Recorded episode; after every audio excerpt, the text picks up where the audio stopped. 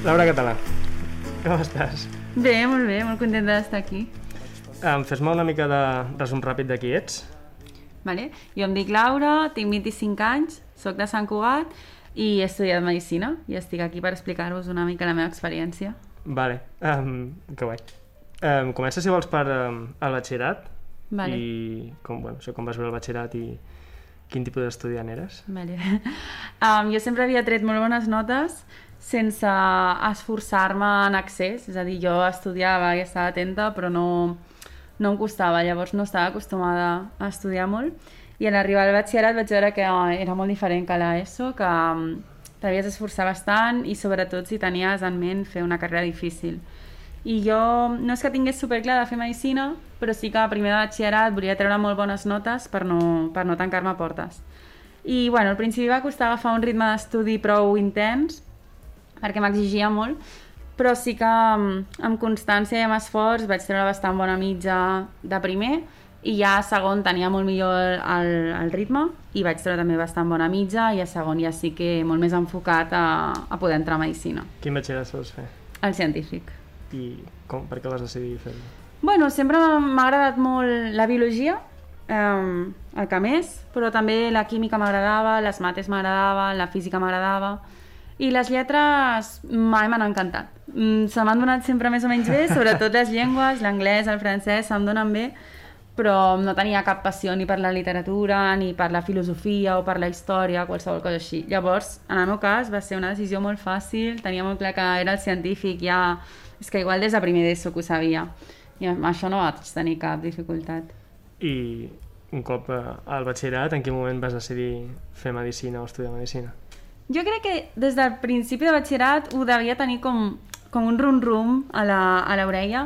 De petita sempre havia volgut fer veterinària, però bueno, al final no, no ho acabava de veure i ja quan em vaig interessar més, quan ja vaig fer més biologia al batxillerat, tot el que fos relacionat amb la salut humana o amb la genètica o amb el sistema immune, totes aquestes coses em cridaven molt l'atenció i ja va ser com, bueno, també una mica un repte personal de vull arribar, vull arribar, vull arribar, vull tenir aquesta nota i poder entrar i pues, així ho vaig fer. És més pel repte que per, perquè t'agradés Medicina? Jo crec que igual a batxillerat sí que és més pel repte perquè també no saps tant de lo que serà la carrera i de lo que serà la professió ho tens molt idealitzat i clar, no tens real, la, la visió real del que és. És a dir, tu ja després parlarem de Medicina, eh? però tu, um, si haguessis sapigut a batxillerat el que era passar per Medicina, uh, haguessis escollit Medicina? M'ho hagués pensat una mica més, perquè se sent molt a dir que és dur, però bueno, fins que no hi ets dins no, no ho veus realment, i després, evidentment, cadascú ho viu com viu, però en el meu cas, que sóc una persona com molt exigent amb mi mateixa, mm, hi ha hagut èpoques de molta ansietat que sé que altres carreres no m'haguessin provocat i tot i que en el moment de batxillerat ho veus com era entrar a Medicina o és la fi del món, després veus que hi ha moltes altres coses que t'agraden, moltes altres carreres que són molt interessants i moltes altres vies d'aconseguir coses o similars o bé borrón i compte nova i buscar coses completament diferents que també t'aportaran molt. Què haguessis fet de similar a Medicina? De similar, hagués fet biologia, la veritat, per després fer alguna cosa de biologia marina o així, m'hagués agradat molt.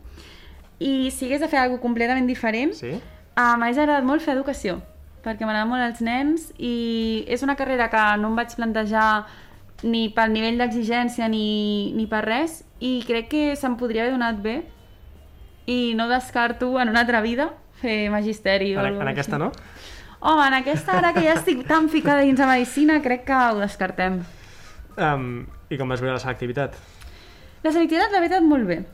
Molt bé, perquè jo anava a una escola on ens preparaven molt el tema del batxillerat i tal, ja tenia molt bona mitja, i entre trimestrals, finals i preparació de selectivitat havia practicat molt, havia estudiat molt. Llavors, la setmana en si de la selectivitat no va suposar un estudi extra, va suposar repassar quatre conceptes, anar més o menys tranquil·la i fer-ho el millor que vaig poder.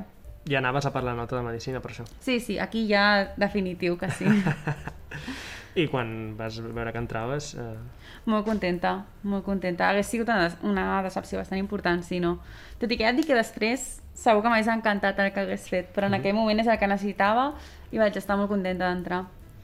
I això, um, el primer any de carrera? Duríssim, vale. duríssim. O sigui, mm, tant a nivell d'exigència, són exàmens molt complicats, assignatures molt complicades i la veritat que suspendre és bastant fàcil. És un xoc molt important per gent que això, que al batxillerat esforçant-se treu bones notes, um, de sobte et veus suspenent i anant a recuperacions, el qual és increïblement frustrant. Uh -huh. I a més a més les assignatures, clar, són molt inicials. Fas histologia, fas anatomia, fas biologia celular, fas bioquímica... Són assignatures bastant complicades, el professorat no ajuda i posen exàmens complicats. Jo crec que també, a part de ser difícil, és que no hi veus una aplicació pràctica immediata en el que és la medicina. Llavors és com un any que estàs fent medicina però que és, és molt comú en moltes altres ciències i que realment no, no et dona una satisfacció de estic fent el que jo vull. I jo vaig tenir bastanta crisi, la veritat. A quina, a quina universitat era? A la Universitat Autònoma, Bé, que em quedava a prop de casa, sí, anava amb tren, al campus molt bé i amb la gent superbé, eh? Però el tema dels exàmens el vaig patir bastant. Eh, en tot l'any vaig anar a tres recuperacions, que per mi és algo Inèdit. inèdit i ho vaig passar bastant malament. Al final, bueno, tot passa, són només exàmens i ho has de re relativitzar, però com ho estàs vivint, costa. Quan, fem una mica de resum general de, això de com, quants anys són medicina. Vale, medicina són 6 anys, el que és la carrera, però després, si vols treballar en aquest país amb una especialitat, has de fer el MIR, que el MIR t'implica un any més d'estudi, estudi, estudi i estudi. Que és com una selectivitat, però multiplicat per... Sí, multiplicat per bastant, la veritat. Això, són 6 anys, més aquest any extra del MIR, i després la- l'especialitat, que depèn de l'especialitat, són 4 o 5 anys, que no són ben bé anys d'estudi, perquè evidentment doncs, ja cobres i ja treballes en un hospital, però sí que bueno, mm, has de mantenir-te actualitzat i informat. Llavors, tu tens la teva jornada laboral, però a més a més has de seguir estudiant. Ja sense exàmens, però has és, el de... que, és el que estàs fent tu ara. Exactament. O sigui, en total, eh, des de que entres a la carrera fins que et poses a treballar... Quant, Són quants- 7 anys. Set anys. Clar, perquè jo ja treballo amb la residència, ja es treballa, ja tens Vale. un sou... Vale. Sí. Um, tornem a, si vols, a això, al pla d'estudis de... Vale. Bueno, primer, segon, explica'm què tal els... els... Segon és similar a primer, una mica millor, però també són assignatures d'orilles.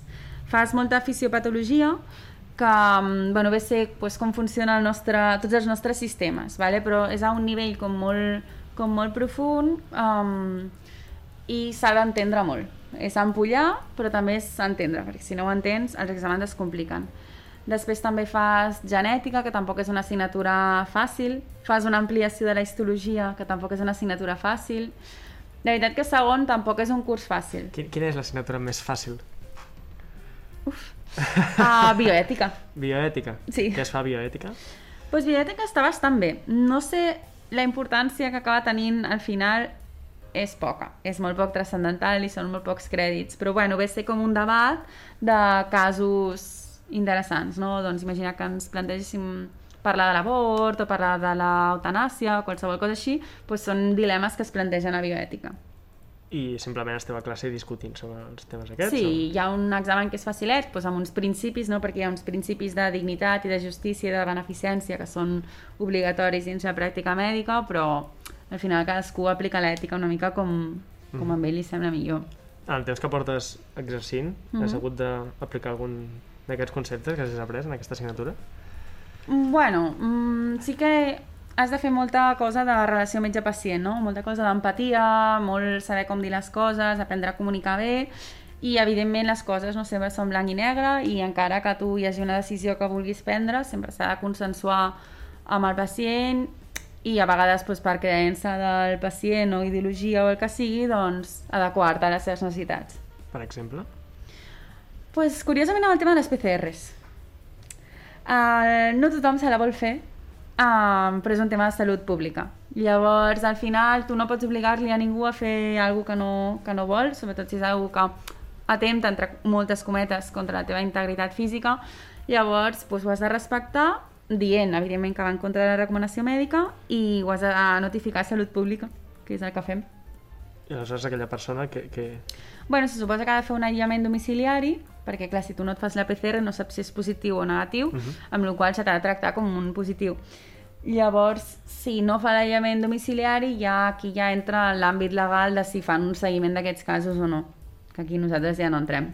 Què, què és el que més et va agradar de la carrera? Mm, de la carrera estaves també un cop comences a fer unes pràctiques més aplicades. En el cas de la Universitat Autònoma, primer i segon són, són a la Universitat Autònoma i tercer, quart, cinquè i sisè són a l'hospital. Llavors, l'Autònoma té quatre hospitals, que són l'Hospital de Sant Pau, l'Hospital de Vallhebron, el Taulí i Can Ruti, i allà ja fas els, els cursos que et queden que tenen molta part teòrica, evidentment, però ja combines amb unes pràctiques que almenys són pràctiques hospitalàries, no? pues ja veus més com funciona cada servei, cada especialitat, i igual et pots fer una mica més una idea de, del que serà realment exercir després. Tot i que he de dir que no té res a veure ser estudiant que, mm. que treballar. De fet, ser estudiant és bastant frustrant i pot ser bastant avorrit si no tens un equip docent que s'impliqui molt. És a dir, a partir de tercer ja no estàs a l'autònoma? No. Ja no hi tornes més? No, no la trepitges. Hòstia. A no ser que tinguis recuperacions Vale. o desgràcies vàries, però, però no, no, ja estàs a l'hospital. I doncs a l'hospital les classes es fan, hi ha aules a l'hospital, Sí, entenc? Vale. l'hospital té un edifici que és la unitat docent, que és on s'imparteixen les classes. Eh, jo vaig triar a Vallhebron, jo Mhm. he fet els, aquests 4 anys a Vallhebron i feia les classes allà i les pràctiques allà. I els professors són metges, tots? Tots són metges, sí. Tots um, combinen la pràctica clínica que facin amb les classes. Molt bé. Um... Quina és l'assignatura que més vas odiar? Que més vaig odiar? Bueno, n'hi ha hagut vàries. Immunologia no agradar gaire. És bastant complicada. Què és, immunologia? Com funciona el nostre sistema immune. No t'imagines la quantitat de gens, interleuquines, immunoglobulines i cèl·lules rares té el nostre organisme. Sí, són moltes coses rares. I tu has estudiat tot i saber tots els noms, entenc, eh? Sí. Sí, sobretot fer grans tandes d'ampollar. No és que m'hagi passat tota la carrera estudiant, perquè sí que he tingut molts temps lliures, però les èpoques d'exàmens, que són el gener i el juny, són molt intenses i has d'estar ben bé un mes o dos d'estudiar tot el dia. És a dir, estaves com abans d'un examen o abans de la setmana d'exàmens, Bastant abans que la setmana d'exàmens. Eh, jo començava a estudiar al desembre, vale? Al desembre el feia light fins més o menys 20-25 de desembre, on allà començava intens de només estudiar. O sigui, llevar-me, estudiar, esmorzar, estudiar, dinar, uh Mhm. -huh. estudiar, sopar, estudiar. I així fins que acabes exàmens, que els acabes a finals de gener. I un cop acabes? Bueno, un cop acabes hi ha algunes festes importants i viatges o coses així. La veritat que hi ha bastanta festa a Medicina, Això t'anava a preguntar. Com, com són les festes a Medicina? Bastant boges, la veritat. No sé si és que estem molt reprimits en l'època d'exàmens o què, però mm, són bastant boges. La gent té uns hàbits poc saludables i bueno, es veu bastant i hi ha molt, moltes colònies, moltes escapades, moltes festes, diguem, com temàtiques o de disfressar-se o així. I després cada hospital pues, té, té les seves i a Vallhebron, per exemple, hi havia els dies culturals que es feien com tallers i després música i coses així. I tot culmina amb el viatge de fi de curs, que bueno, ara amb el Covid no totes les promocions ho estan fent, però en el meu cas vam anar a Riviera Maya una setmana i va ser bueno, bastant perjudicial pels nostres fetges, jo diria. I quina, quina és la festa més, més heavy que hagis fet en Medicina? pues l'estriptease. Uh, l'estriptease és una festa que es fa quan, quan fas cinquè de medicina, Vale. et toca fer l'estriptease, que s'assaja durant setmanes o mesos. S'assaja? S'assaja. Sí, són coreografies, no Ah, és ah, vale. em trec la roba i ja està. Són diverses cançons no? que solen tenir una progressió de menys a més. O sigui, en realitat és com un espectacle de ball Uh -huh. amb bueno, certa càrrega com sensual i sí que pues, al final t'acabes traient tota la roba. Que és rotllo Full Monty. De l'estil. I ho vam fer a la sala bikini amb 400 persones de públic. Que també Així són que- metges i estudiants de Medicina? O familiars o amics, bueno, familiars, germans o cosins, Vale, evidentment no pares. exacte. Exacte.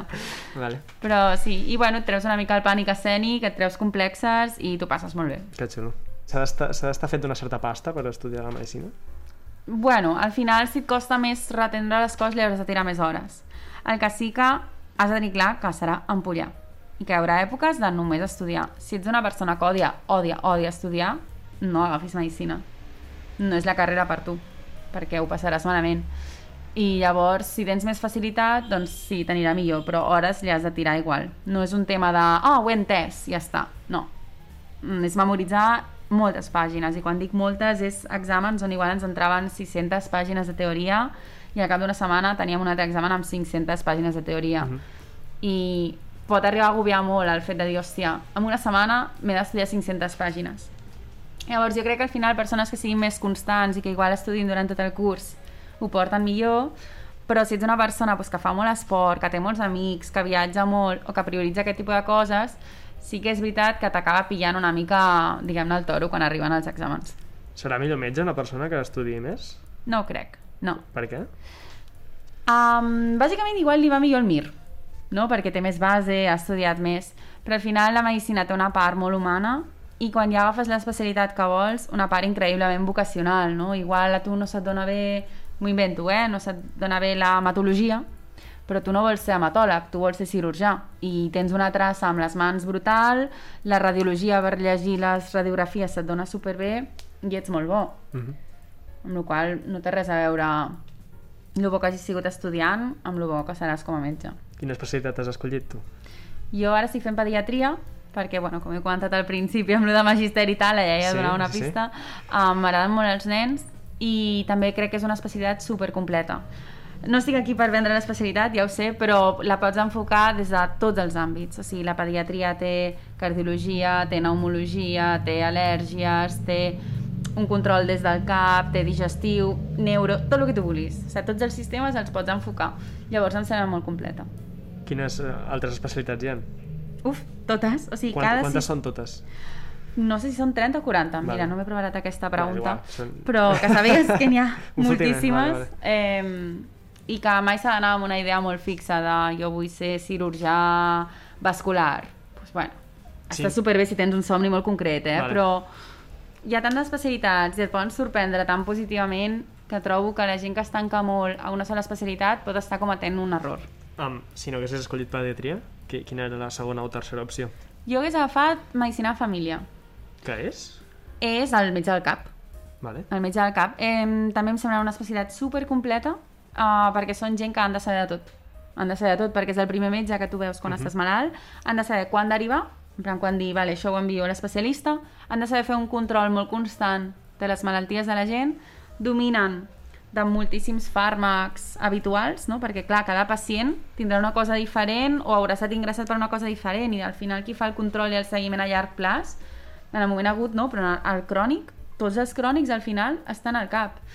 I, i l'especialitat és molt xula i el que és la residència és molt completa, molt completa. Roten per absolutament tots els sistemes, roten per UCI, per urgències, pel SEM, per digestiu, per cardio, pel cap, bueno, no sé, per pediatria, per gine... O sigui, saben de tot. Vale. I si es mantenen actualitzats al llarg de la seva vida professional, un metge de família és que pot saber-ho tot. Entenent que és impossible saber-ho tot perquè Sí. és molt complicat, però sí que tenen un coneixement molt global de tota la patologia. I la tercera? Psiquiatria. Sempre m'ha agradat. Ja sé, és complicat i no sé si m'hagués acabat cansant perquè sí que és veritat que bueno, pues, psicològicament és dur, Mhm. perquè és, molts cops són pacients pues, que no, ra no raonen, has de ser una persona molt pacient, però a mi les pràctiques em van agradar molt. Vaig estar a pràctiques a urgències de Vall d'Hebron, on venien coses bastant descompensades i gent, ho hem de dir, bastant boja. Uh -huh. Ja sé que no queda bé, però eren locos. Bueno. I em va impactar molt i vaig pensar, ostres, mm, no em dóna la sensació que t'hagis d'avorrir mai fent això. Ja. Quina d'aquestes persones loques que va venir et va, et va xocar tant? Bueno, a, vegades s'ha de trucar a seguretat, o sigui, hi ha Vale. gent que està agressiva, hi ha, Mhm. bueno, hi ha diverses coses. Això ja, si algú, Si si algú fa l'estat de psiquiatria, ja veurà que, mai sur que sempre sorprenen.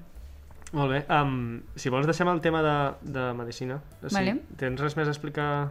Reforçar que s'ha d'estudiar molt i que no s'idealitzi la, la carrera. No és el que es veu a les sèries, Això, Um. això també t'anava a dir. House, Doctor House, l'has vist?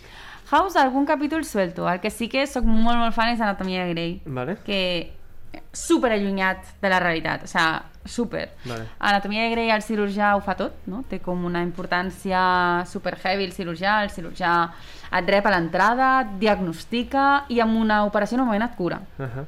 I ja està, aquesta és la medicina que hi ha a Anatomia de Grey. No hi ha maneig crònic del pacient, no hi ha maneig mèdic, no, no reflexa d'això. A part del tema de que estiguin amb les relacions interpersonals entre ells tot el sant dia. Vale. Això ja...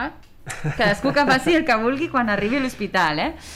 Però, bueno, no és gens realista. I sembla que, que siguin superherois, no?, els, els metges, i se les donen això de oh, yo llevo 42 hores sin dormir, ah, yo llevo 36, tal. La veritat, no dormir és molt dur. I les guàrdies, quan no dorms, són molt dures. Vas molt cansat i és molt perillós, tant per tu com pel pacient. Amb la qual bueno, tot això d'idealitzar el seguir treballant quan ja no pots més, no és sa. I va una mica lligat amb tot el tema de la pandèmia que hi ha hagut, d'idealitzar els sanitaris i aplaudir-los i que siguin herois. Uh -huh. Al final és una professió, és una feina i tu quan surts de la feina hauries de poder desconnectar. I a part, hauria de ser remunerada com toca. Ah, som el país de la Unió Europea que menys paga els metges. O sigui, nosaltres estem un 50% per sota de la mitjana europea, vale? el qual és molt trist perquè al final som una professió, jo crec, bastant important, no? la salut de les persones és molt important, a part som gent super preparada, super culta, que ha estudiat moltíssim, molt treballadora, i la sensació nostra és que el govern ens maltracta, uh -huh. ens fa fer jornades molt llargues i amb uns salaris pèssims.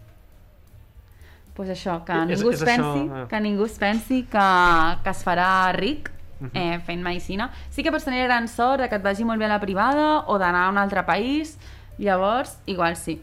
Però bueno, que ningú ho faci per fer diners, òbviament sí que et dona per viure i sempre tindràs feina perquè sempre faltaran metges, és a dir, un sou normal sempre el tindràs, però no et farà ric. I després que sàpigues que seràs molt sacrificat durant, durant l'època d'estudiant, durant l'època de la residència i també quan ja siguis adjunt i ja tinguis la teva especialitat, també serà bastant sacrificat. Mentre això ho tinguis clar i tu diguis, és que inclús així sé que medicina és la meva passió, doncs escolta, endavant. Sabent tot això, haguessis entrat a Medicina o no? M'ho hagués pensat més, m'ho hagués pensat més. Ara estic super contenta amb l'especialitat, però, bueno, és una vida sacrificada. Ho recomanes? Això que cadascú valori. Vale.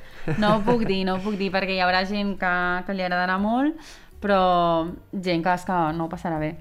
Llavors que cadascú valori si vol que la seva vida sigui això, siguin guàrdies, estudiar constantment, uns sous bastant normalets... Dit això, es poden fer moltes altres coses quan surts a treballar, com anar a fer un podcast amb el teu amic, com anar a fer unes birres, qualsevol cosa. O sigui, al final la capacitat de desconnectar hi és i cadascú ha d'aprendre a que no és la seva vida la medicina, a poder fer coses més enllà de medicina. Per exemple, què fas tu, a part de la Medicina? A mi m'agrada fer esport, uh m'agrada anar a la muntanya, m'agrada anar amb bici i sobretot m'agrada molt anar a la platja a l'estiu, a la muntanya, en qualsevol època de l'any, de tant en tant surto de festa i quan es pot viatjar. M'agrada bastant viatjar, he treballat bastant per poder estalviar i poder-m'ho anar combinant i la veritat és que he pogut viatjar bastant amb, amb amigues i companyes i tal. De què has treballat durant la carrera? Pues he fet una mica de tot. Eh, em porto fent cangurs des dels 16 anys i donant classes particulars també des dels 16. I ho he mantingut pràcticament fins l'any passat. I a part de les classes i, i els cangurs, vaig ser a safata de congressos, que Vale. també va estar bastant xulo. És molt cansat i està molt mal pagat, però bueno, si t'ho prens amb una energia positiva... Com ho vas aconseguir, això? De, de... Hi ha moltes agències, es tracta d'enviar el currículum, fer una entrevista que normalment és en anglès, per veure que manegis més o menys l'idioma, i ja està, un cop estàs dins, ja et van convocant. Et diuen, mira, hi ha un congrés aquests dies, t'interessa? I, doncs, si t'interessa, ho fas. Quins, quins congressos has fet? Al Mobile World Congress hi he treballat, ara no sé si dos o tres cops, i després algun congrés mèdic i congressos a la Fira Alimentària també, que aquesta és molt xula perquè pues, pots robar menjar i tal, està molt bé. Eh, ha algun altre avorrit d'informàtica. Em perdó per tots els informàtics d'aquest món. um, I i com, com, com està remunerat, això? Fatal, Vale. fatal. Són entre 6 i 8 euros l'hora. 6 euros l'hora és molt poc. Mhm. O sigui, és, és patètic. La cosa és que igual fas 10 o 12 hores cada dia durant un període de, de 3 a 10 dies, en plan, és com un intensiu.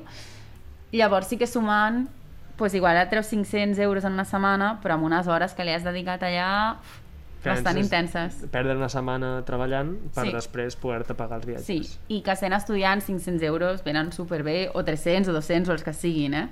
Venen superbé, després te'ls gastes i ets superfeliç perquè has pogut fer aquella escapada que volies fer Mhm. i val la pena anar fent aquestes cosetes. Has fet res més de, de feina? Um, vaig treballar en una perfumeria, també. Però això ja és l'últim. Ja no he fet més enllà d'això. Va ser només un hivern, que em faltaven diners i pues, la promoció de Reis vaig dir, bueno, doncs va, em poso a fer això.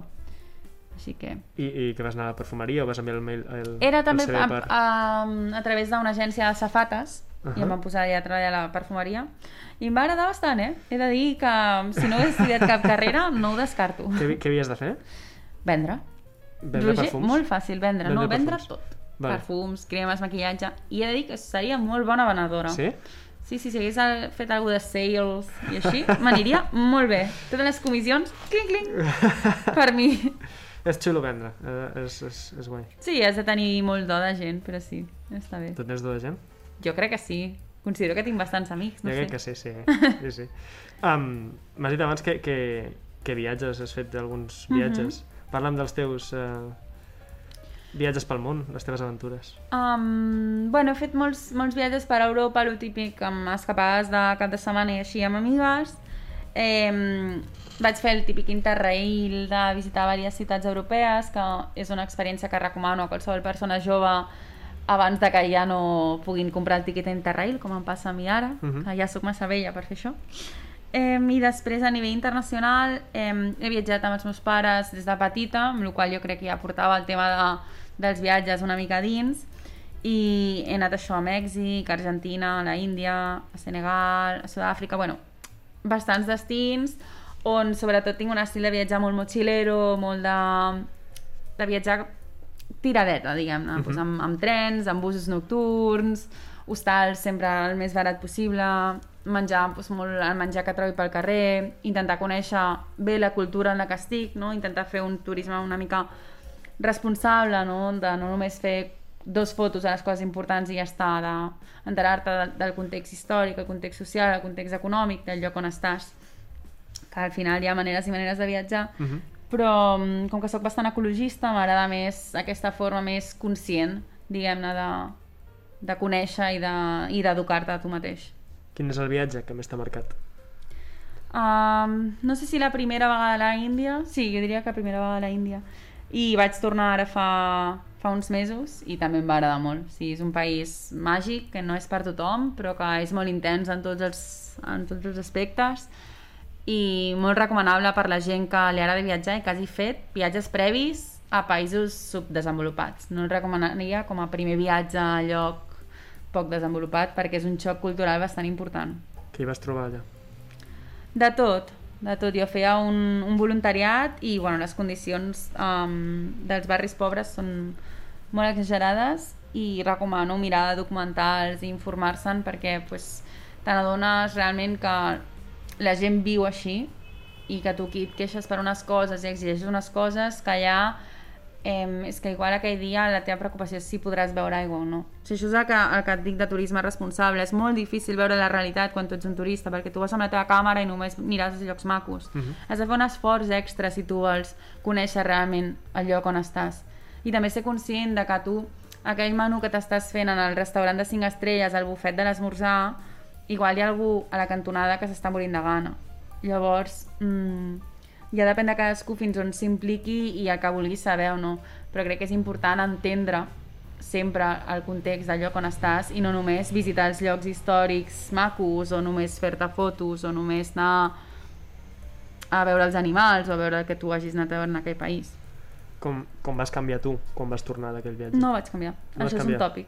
És un tòpic. Això és un tòpic de gent o que ha viscut molt bé o que realment mai ha intentat enterar-se del que hi ha al seu voltant. Si ets una persona que ja saps com funciona el món, no té per què canviar-te un viatge. A mi jo crec que no em va canviar. Jo ja sabia el que hi havia i simplement doncs, ho vaig poder veure amb els meus propis ulls i vaig tornar sent, jo crec que la mateixa Laura que va marxar.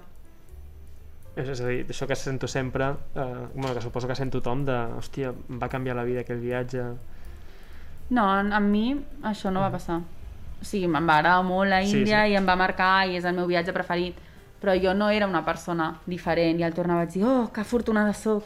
ja sabia que era molt afortunada i espero que tothom sàpiga que és molt afortunat. Qualsevol que escolti aquest podcast, és a dir, que tingui accés a un ordinador o a un iPhone o a una ràdio i que estigui escoltant-lo per plantejar-se què estudiar, la possibilitat d'estudiar, si no saps que ets afortunat, pren-te uns minuts per reflexionar-hi, Ja. perquè ho som. Que guai, molt Que guai. profund, Sí, eh? perdona. Um, M'has dit abans que ets molt ecologista. Mhm. Què, què implica això en la teva vida?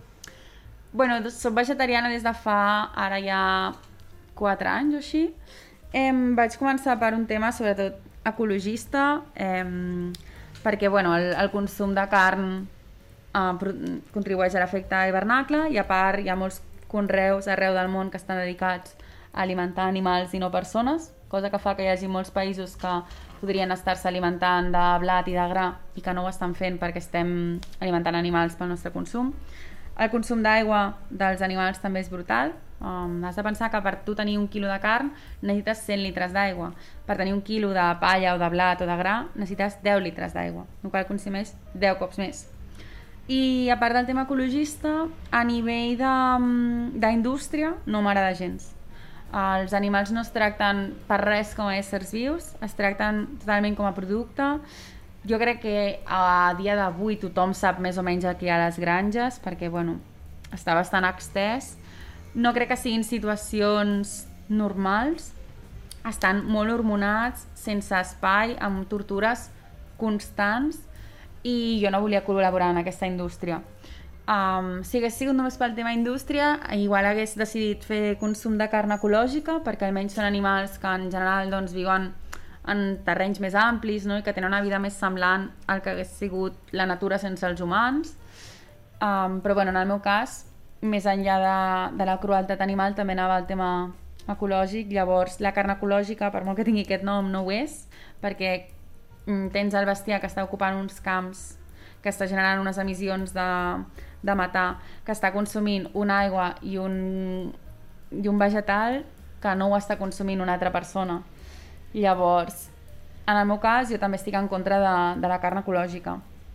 I tema salut, sí que crec que el consum de carn és perjudicial quan està exageradament augmentat.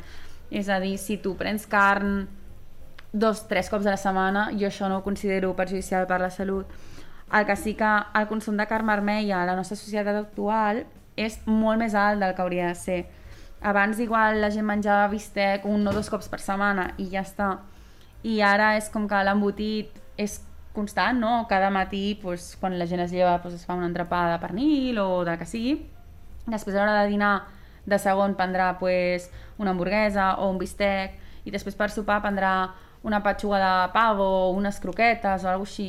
I clar, i penses i dius, ostres, és que estàs prenent carn en 3 o 4 àpats del teu dia a dia, que és molt superior al que realment està recomanat.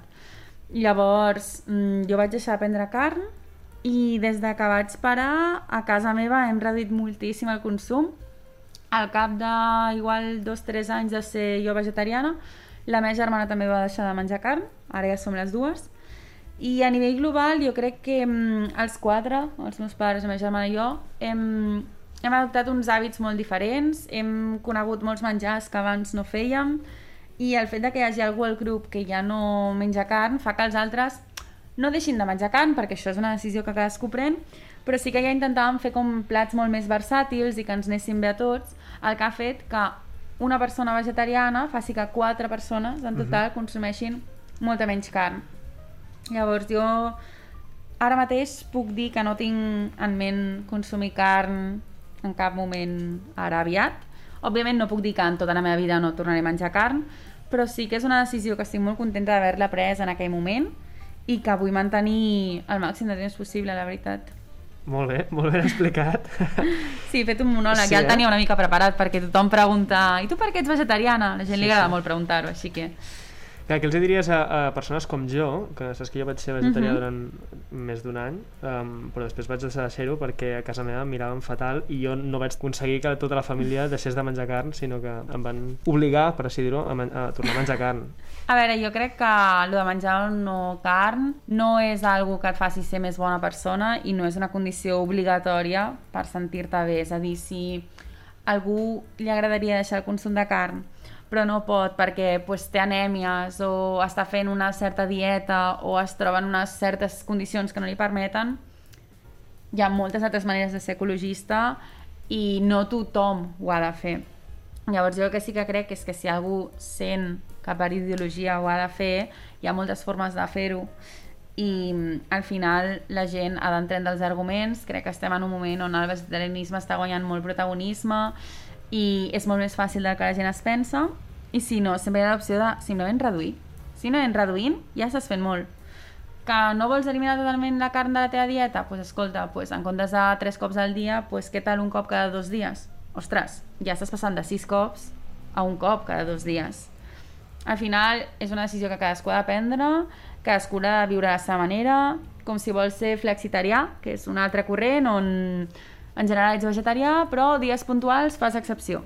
Imaginem que tens la iaia de 95 anys uh -huh. que t'ha fet fricandó aquell dia en concret de Nadal i no li vols fer lleig. Doncs pues jo, en concret, no ho faré perquè a mi no m'agrada... Jo no vull menjar carn, però igual algú diu, mira, per un cop l'any o dos cops l'any que passa això, doncs m'ho menjo i no passa res. No seràs pitjor persona, ni et sentarà malament aquell dia la carn perquè el teu cos s'ha desacostumat, no funciona així no hi ha cap problema en menjar carn si, si psicològicament ho acceptes i no ho veus com un gran trauma, que també hi ha gent que un cop eh, es fa vegetariana o vegetarià ja no, no pot ni pensar en consumir animals per, per l'empatia no? que et provoca estar uh -huh. menjant vaques o gallines o conills que al final són igual que gats o gossos o, o que humans inclús, depèn de, de en quins nivells de l'ètica et posis. Què és el millor i el pitjor de ser vegetarià? El pitjor, jo diria que és anar a casa de gent. Et diré per què. Els restaurants estan ja molt adaptats als vegetarians. Els restaurants que menys són els restaurants de menú, perquè el menú sempre, sempre, sempre els segons són carn o peix, sempre. Però els, altres, els llocs que no són menú, en una pizzeria sempre hi ha una pizza o de quatre quesos, o mm, amb espinacs i panses, o és que amb mil coses. Uh, les pastes igual. Moltes salses porten carn, però n'hi ha tantes més que no. Amanides, n'hi ha moltíssimes. Eh, I tot el que són altres cultures, com restaurants indis, nepalís, uh, tot el sud-est asiàtic, estan superadaptats. Llavors, menjant fora, excepte braseries i arrosseries, tot l'altre sempre hi ha menjar que pots prendre. Ara, tu vas a casa d'algú i igual no has avisat, o igual has avisat al teu amic, però el teu amic no ha pensat en dir-li al seu pare o a la seva mare, i et posen sobre la taula amb tota la il·lusió un plat. Si ets una persona que li agrada quedar bé, es fa difícil, es fa durillo, dir en aquell moment, ostres, perdona, no menjo carn o no menjo peix. Per això hi ha molta gent que és flexitariana, no? Per, no, per no fer lleig, perquè allò ja t'ho han cuinat. Saps? Ja és un producte que, s'ha de menjar. Llavors jo no faig excepcions i per això sempre intento avisar i jo crec que el meu cercle ja saben que, que no consumeixo carn. I és l'únic que no m'agrada, dir que no a, a menjar que m'han preparat. Jo diria que per mi és el pitjor. Això i que cada cop et preguntin que per què ets vegetariana. això. Vale. Però, però en general molt bé. I el millor, veure com has de diversificar l'alimentació. Descobrir plats nous, productes nous, cultures noves, provar cada cop més restaurants i cada cop que veus algun restaurant vegetarià dir, ah, doncs pues el provo. I mm, acaba sent molt original l'alimentació, perquè com que restringeixes un producte que és molt típic i molt important, clar, has de buscar molts altres productes per poder-ho suplir, no? I per no menjar només amanida cada dia. Llavors, si ho saps fer, ostres, es torna molt interessant. Que xulo. Molt bé, doncs pues, um, si vols ho deixem per aquí ja. Vale. Um, tens res més a, a explicar? Que no intentava convèncer ningú per fer-se vegetarià. Explicava la meva... Perquè això sí que no m'agrada gens. Intentar inculcar algú amb el veganisme o el vegetarianisme. Crec que cadascú és prou gran i prou responsable per pensar per si mateix. Què li diries a la Laura de, de fa 7 o 8 anys? Que intenti de veritat prendre's les coses més amb calma. Que un examen és un examen i que sí, vale, el pitjor és suspendre'l, però què implica suspendre'l? Anar a una recuperació? Vale. I què? Que la suspens? Bueno, què passa? Tardes un any més en fer la carrera?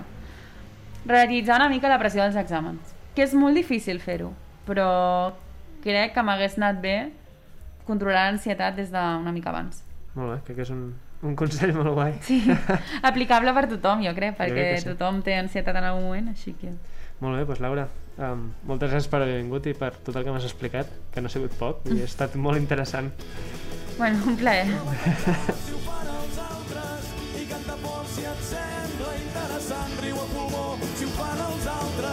Però no t'estranyis si et gires que riguin de tu, que no et sorprengui si estan farts de tu, jugant a ser com és la gent normal.